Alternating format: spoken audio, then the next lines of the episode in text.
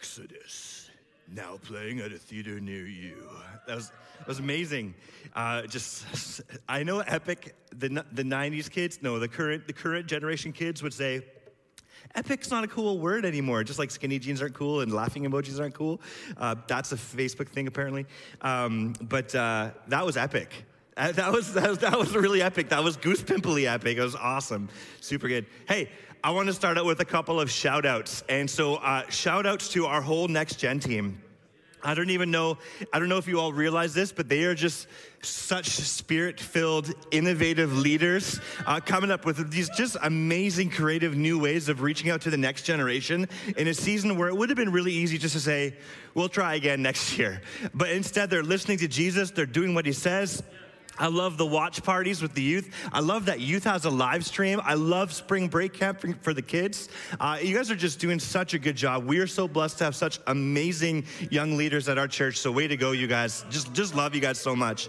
Appreciate you. And also want to shout out Nathaniel because I, I, knew I knew Nathaniel had the voice, but I and I knew he could play acoustic, but I didn't know he had the electric guitar chops, which he busted out today. And I got two favorite things. Uh, actually, I have a few, um, but I won't say all of them.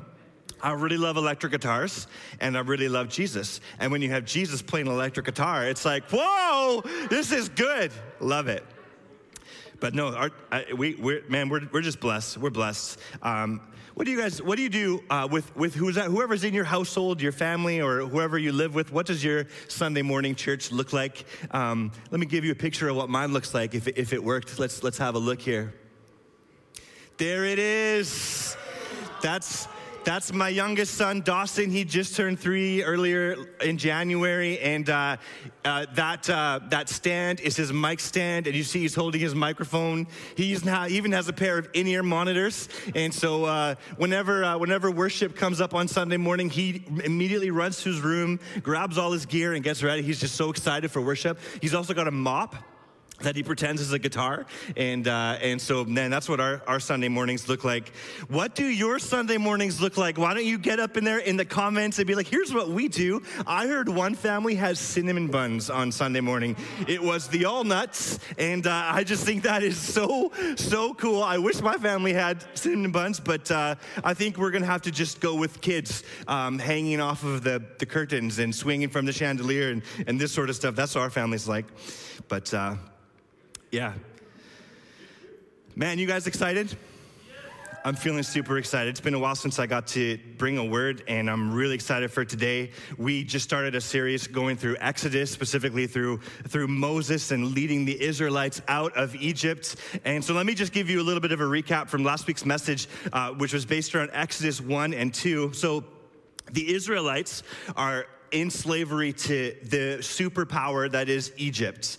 Uh, uh, however, the Israelites, even in spite of their slavery, they are they're growing and they're they're applying some pressure. Pharaoh's feeling the pressure, so Pharaoh comes up with this great idea let's let's eliminate all of the baby boys and by eliminate i mean kill it just felt really weird to say such a harsh word but they decide they're going to kill all the baby boys however moses' mom who we learned last week his name is Jochebed, uh, which when i heard it that would make me think like back to bed.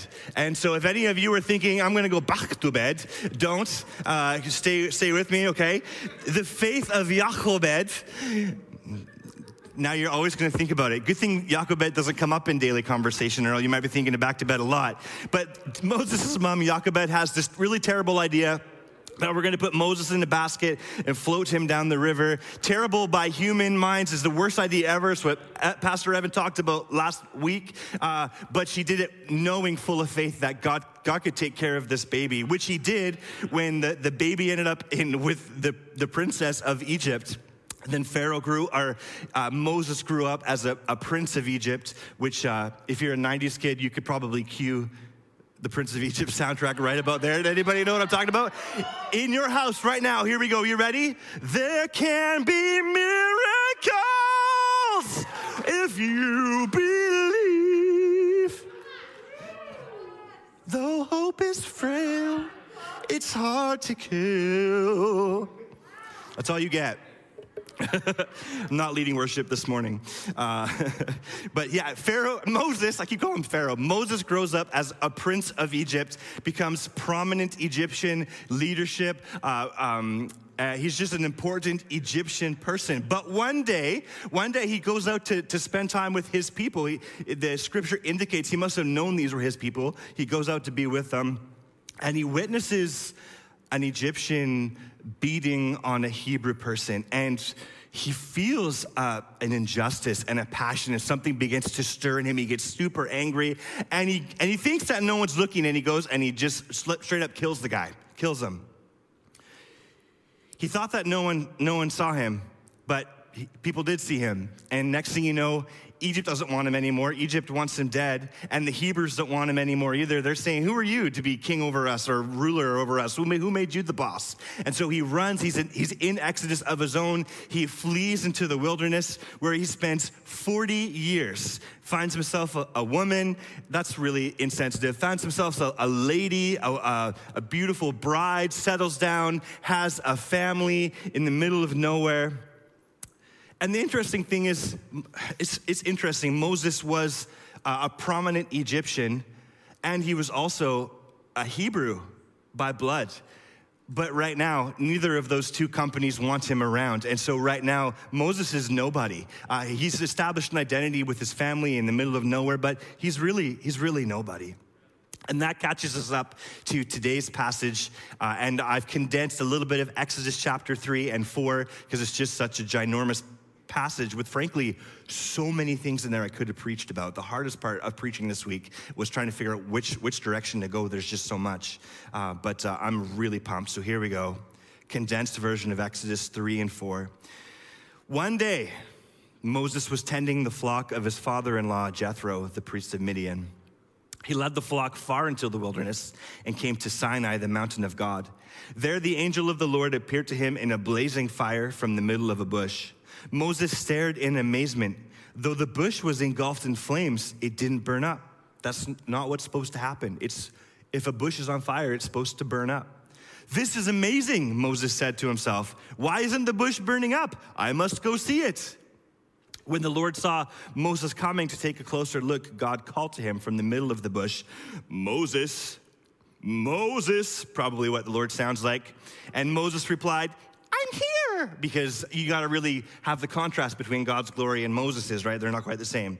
Here I am. It's a little bit like Mickey Mouse, Moses replied. Then the Lord told him, I have certainly seen the oppression of my people in Egypt. I have heard their cries of distress because of the harsh slave drivers. Yes, I am aware of their suffering, so I have come down to rescue them. Wherever you're at, I don't know, it's probably your house, but wherever it is, say, I, and by I I mean He, has come down to rescue them. I have come down to rescue them from the power of the Egyptians and lead them out of Egypt into their own fertile and spacious land. Now go, Moses, for I am sending you to Pharaoh. You must lead my people Israel out of Egypt. But Moses protested, and rightfully so. He said, who am I to appear before Pharaoh? Who am I to lead Israel out of Egypt. I think you might have forgot, Lord, that I killed an Egyptian. I think you might have forgot I've been in hiding. I'm, I'm, I'm nobody. I am nothing special. At worst, he's a murderer. At best, he's a nobody. Yeah, who am I? And God responds to him with pretty much the only life lesson you'll ever need to know. I will be with you. But Moses protested if I go to the people and tell them what I'm about to say really happened, I know this sounds crazy, but the God of your ancestors has sent me to you. He told me from a bush that was on fire. He said, um, He sent me to you. And they will, they'll, they'll say, Well, what's his name? Huh? What's his name? And then, then what am I supposed to tell them? I don't even know your name, Lord. God replied to Moses, I am who I am. Say this to the people of Israel I am has sent me to you. Now go. I'm going to jump way ahead and just do spoiler alert. I'm going to tell you what happens in Exodus uh, over the course of the whole story via an incredible showcase of power and might and miracles. The Israelite slaves, which would have numbered in the tens of thousands, are delivered from the overwhelming, crushing, actually, power of the Egyptian empire, which is one of history's most powerful, formidable civilizations. Not only are they delivered, but they also get rich on their way out. It's un unbelievable. The things, the miracles, the things that should not happen that did happen, that took place in order for the Israelites to not only be set free, but also to plunder Egypt on the way out. It's impossible. What happened is an impossibility. It's mind blowingly unfathomable. Unfathomable is a great word. I actually use it a lot, and Chelsea thinks it's funny.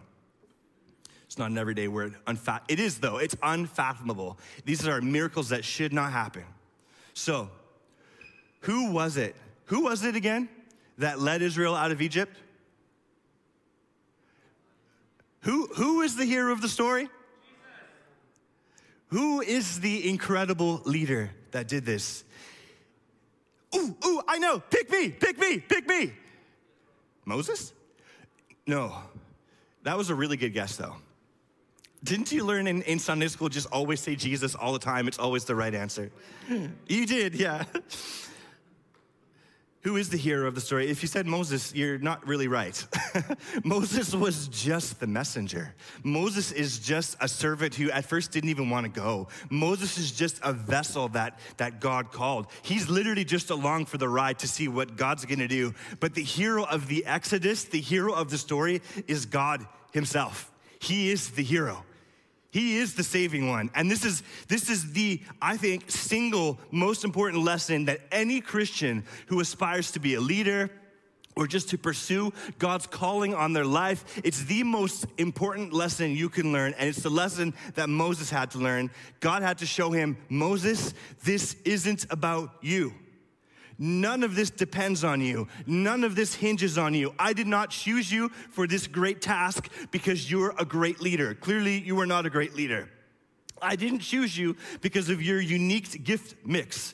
I didn't choose you because you have a master's degree. I didn't choose you because you are a golden retriever on your personality profile. And I certainly didn't choose you based on your resume, which, if he had one, it would have said bullet points honest, dependable, good people skills, handles conflict well, murdered someone. I didn't choose you because of anything you bring to the table. I chose you because I did, because I felt like it. I chose you, frankly, because you bring nothing to the table, because you are nobody. I chose you not because of anything that you are, but because, and these are the words that he used I am. I am enough because I am who I am. So Moses uses these words, Who am I? And I love, I think, I don't know if it's intentional, but it stuck out to me. It seems like a play on words. Moses is like, Who am I? And it's almost like God responds, No, Moses, who am I? Whew, goose pimples. Who am I? It's not about you, Moses. It's about me. I'm the hero of this story. Moses didn't want to go because he didn't think he was good enough. And God says, Exactly. And the sooner you embrace that, the sooner that you trust me instead of you, the sooner we can see my people get saved. I don't want you to be a hero. I don't need you to be a hero. I just want you to say yes to me when I call and to trust me. My, my life passage, the one that I always come back to, 2 Corinthians 12, says, His power works best in our weakness. In other words, God does His best work in weak, broken vessels. All He needs from us is faith that when he says, he, when he says, when he calls us, that we'll say yes and that we'll trust him. Man, that should give us all the confidence that we need, knowing that none of it depends on us and all of it depends on Him. He's the one with the power, He's the one with the strength, He's the one who is able. It's all on Him. It makes me get all stoked, like, hoorah, let's do this. We don't need self confidence, we need confidence in Him. We need God confidence. The world's all about self confidence, having enough self confidence. That's not what we need. We need God confidence. If God's called you to do something and you feel, maybe you feel inferior, maybe you feel inadequate, unqualified, or just generally not good enough, perfect. you're not at a disadvantage. You're exactly where you need to be because He is the qualified one. And it may sound cheesy, but if He calls you to it, He'll see you through it. You're not the hero of the story, it's God's job. In fact, I'd go so far as to say that if, if you feel confident in your ability to do what you think God has called you to do, it might not actually be what He's called you to do. It might just be a good idea that you had based on your gifts and your passions, which is also good. But a, a, calling from God is so much bigger than you. It's so much bigger than your abilities. It should make you feel weak. It should make you feel unable because a calling from God isn't intended to be something that you can do on your own, but something that will give God glory. It will break you down until you're, until you're humbled, until you learn the most important lesson in leadership and calling that it's actually all about Him and has very little to do with you. Pastor Evan uh, alluded to this last week, and I thought it was the coolest observation. I'd never noticed it before. Uh, but it's really neat to see the several different versions of Moses as he matures the first version of him in, in Egypt as the prince of Egypt sees this injustice, this, this uh, mean Egyptian uh, beating up on his Hebrew people. And he, and he it just, his, his frustration, the, the, in, the passion and the injustice, it wells up inside of him. Uh, and so he takes matters into his own hands and he goes and he's reckless. He tries to do it on his own strength and he makes an error which would, which would, was very costly, killing the Egyptian dude. He was overconfident and he was reckless. The second version of Moses, 40 years later, God comes and speaks to him out of a burning bush, uh, reminding him about that. Remember that? Remember that fire that I placed in you 40 years ago? That injustice. I actually put that there. Except, and he calls him back to it. Except that this time Moses says, uh, "No, I'm I'm definitely not enough. I'm I'm I am not the right person. I can't do this. I can't do that. I'm not this. I'm not that. Pick anybody else." Not me. Version one was overconfident, too self-confident, you could say, and version two wasn't confident enough. He was, he was underconfident in himself. When it comes to calling, and fulfilling God's purpose for your life, understand that self confidence means absolutely nothing. Everybody's all about you got to have more self confidence these days. I'm telling you, in God's kingdom, self confidence is not what you need. Whether you're overconfident, or underconfident, both of those things come from the same place. And that's when you make it about you and what you can do and what you, you bring to the table. Both of those things are, are just pride. It's just about whether or not I can do it. But it's not about your capability. It's about, it's the question is whether God can do it or not. And God can do it, and He can do it through you. And He can pick and choose a broken vessel, and He can use you to, for Moses, it was leading people out of Egypt. But imagine what He can also do through you if you'll say yes to His call. You don't need more self confidence, you need to be confident in Him that when He calls you, when He puts the burning in your heart for a cause, that He will be more than enough for you, that the strength and the ability and the power would come from Him. You don't need to be the hero, that's His job. Your job is just to say, Yes, I'll go, Lord, I will trust you.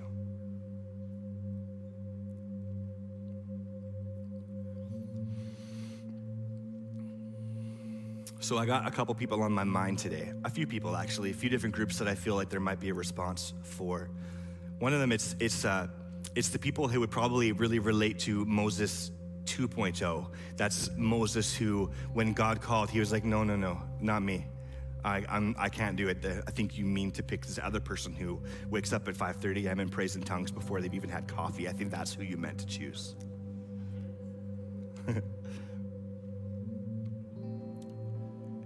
and version version 2.0 or sorry version, going, going back to the one i was just saying uh, maybe maybe god did spoke to you. He spoke to you in the past. He gave you a call and you buried it. And uh, and maybe it's been some time but it's always kind of in the back of your mind still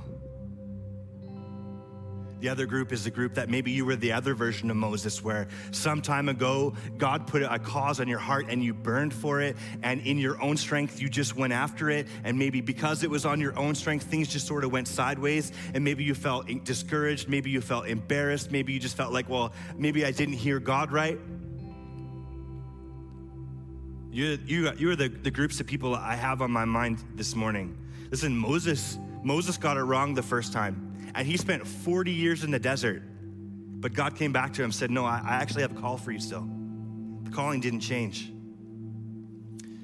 The burning bush, I think the burning bush has lots of significance, but the significance of it that stuck out to me to this week as I prepared for this was that this bush is on fire. And when a bush is on fire, it's supposed to burn up and go away, but it, it didn't.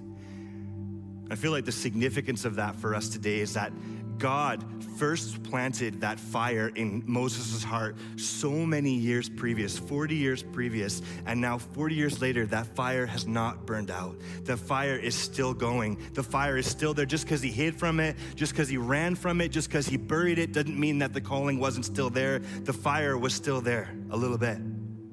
And I believe there are people listening to this message right now, and God is whispering to your heart, hey, remember that fire that I put in your heart so long ago?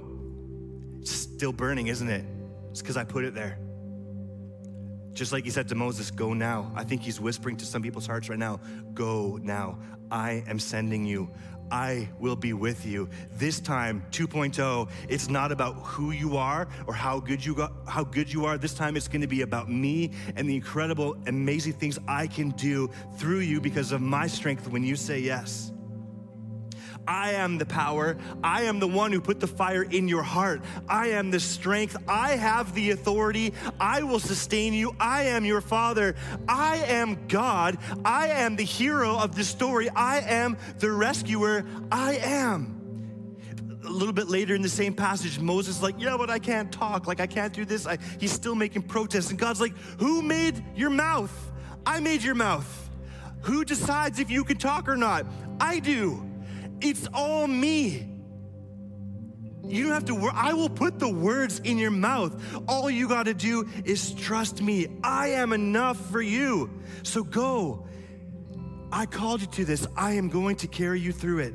Trust me. I've got you and I've got this and it's not even it's not even more than you. It's also about this whole other group of people that I'm calling you to. I want to do something for them. So say yes. Um, it would have been really easy for me to sort of have a, a message about how to determine what your calling is. And I, I intentionally decided not to go there because there's so many resources about that. And I really think it's not as complicated as we sometimes make it out to be. But I will say, if, if you're kind of saying, uh, I don't know if that was my calling or not, maybe something's in your mind, you're like, I think it might be, I'm not really sure. I would just say, look at that burning bush if the fire's not going out, even if it's a fire that you wish would go out, you try to make it go out, please go out. Please get out of the back of my mind. Please get out of my heart. I actually have been trying to avoid you for the last 40 years. Please go away. But it's still there. You can't get rid of it. That's a pretty good sign that maybe it's God. A calling from God isn't something that comes and goes on a whim or based on how you feel. It's something that it almost feels like I actually have no choice. I have to do this. That's what Port Alberni was like for me. Um, I remember um, Chelsea and I are coming up on 13 years of marriage next month, or uh, based on month month anniversaries, as Evan and Kendall talked about last last. I think it's 156 months. Impressive, right? I did the math on Sunday on my phone during the sermon.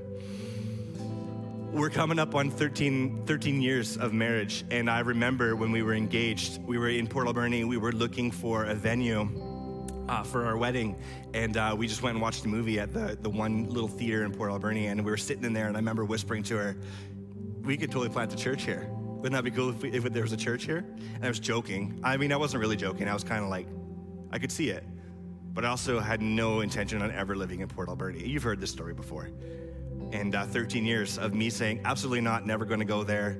And uh, then one day God changed my heart, said, actually, you are going to go there. It was almost like a Jedi mind trick. You will go to Port Alberni. I will go to Port Alberni. I love Port Alberni. Except it's not Jedi's, it's the Holy Spirit. you just say yes. And maybe you're like, I, actually don't want to do it, but God will change your heart. God will give you a burden. He will, he will make that calling become a fire for you. And that's how it was for me. This thing I resisted for so long became something that I, I couldn't not do. There's a need here, and God's placed it on my heart. And I, if you're just not sure what that is for you, look, look at the burning bush. What's that thing in the back of your heart that no matter what you do, you can't get rid of? It's still there. Maybe God is whispering about that to you. And it's time to say yes. And to just start taking one step at a time in whatever that direction is that He'll lead you. There's something else, another response for uh, uh, um, a collection of people who maybe you were just scrolling through Facebook and a friend who goes to this church hit the share button and you clicked on it and now you're here. And it could be that you just got um, maybe, I don't know, maybe you were like, I can't click away. There's just something, there's something cool about what I'm watching. And I, I feel a tingly feeling in my heart and I don't know what it is. I just, I'm just here and, and something's going on. I can't explain it, but all this talk about God is making me feel a little bit of a fire too. The cool thing about this story, um, with God calling Moses and sending him to be his spokesperson to lead the people out of Egypt and rescue the people, is that it's all a foreshadowing of an even better hero who was still to come. Many years later, another baby boy would be born, and his calling would be to lead the people out of slavery and out of uh, it's a it's a spiritual slavery. It's it's it's out of uh, brokenness and heartache and addiction and pain and things that hurt in this life. That baby boy would come and he would be the savior that would rescue us from this broken world and transfer us into his kingdom, his new life, his peace, his joy, healing, forgiveness out of the old and into the new thing. That baby boy's name is Jesus. He's the reason why we sing, he's the reason why we worship, he's the reason why we've been transformed in our hearts. And uh, he will do that for you as well. And that tingling fiery feeling you're feeling in your heart this morning is probably Jesus saying, I will do this for you too. Not because of anything that you bring to the table, but because I am who I am. Because I chose you, because I love you, because I want you. That's, that's what that feeling is. John 3:16 tells us for God loves the world so much that he sent his only son, Jesus, that whoever would believe in him will not die, but enjoy everlasting life, which doesn't mean that for all eternity you're going to sit on clouds, eat cream cheese, have wings, and play with a harp. That sounds really boring but that permanently forever you will be saved from the powers of evil and darkness and sin and all the things in this world that hurt us, and you will be saved into the kingdom of God and all its light, love, hope, joy, peace, forgiveness, healing, all these things that I just mentioned. It's not a thing far off or after you die. It is that, but you can begin to experience it right now. Reality of living a Jesus oriented life, the saved life.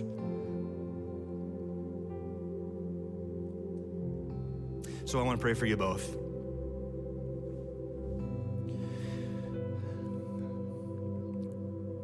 If you're feeling like, yeah, I think Jesus is whispering to me for my first time ever. I think that's what it is, Rob. I, am just every I don't really understand what's happening right now, but I'm, I'm I'm feeling what you're saying, and I think that God is calling me to Himself. You just you just pray, God. This is here's my version of Egypt here's what I'm dealing with. Here's maybe it's depression, maybe it's um, some sort of addiction or some sort of weight that is just holding you down so much. This is my broken reality that I'm experiencing right now. And Jesus, I need you to come and save me like you saved Egypt. Come and lead me out into a new land like you led them out. Come and rescue me. That's the kind of prayer that you can pray in your heart right now. Jesus, would you come and would you rescue me? Would you pull me up out of this pit? Would you set me free? Would you make me new? Would you forgive me of the old stuff where I made a mistake? And would you just give me a whole, make me a whole new me? And I want, if by the way, if you prayed a prayer like that, I want you to go to nextsteps.endgate.ca so we can help you make sense of what just happened, help you grow in what is what is will be a blossoming relationship with God. But I also want to take a minute to pray for uh, all of the individuals who just feel like, wow, God is calling me to something right now. God, every every heart that is listening to this message and just feeling that call, it's just come back. The bush is on fire. It's still there. God, I pray that you would just remind them of the calling. Uh, and more than anything, remind them that you are enough for them, that you will do it, that you are good. Put a fire in their heart. And would you send them out into this calling, not with uh, increased self confidence, but with an increased confidence in you, in your ability? And lastly, God, I pray for young leaders or old leaders, doesn't have to be young, maybe someone who hasn't experienced this before, but for the first time ever, they've got a burden for something. And they think, I think God is calling me to this. God, would you just begin to call new leaders to kingdom causes that would make huge impact in lives. Would you just release them into that with God confidence?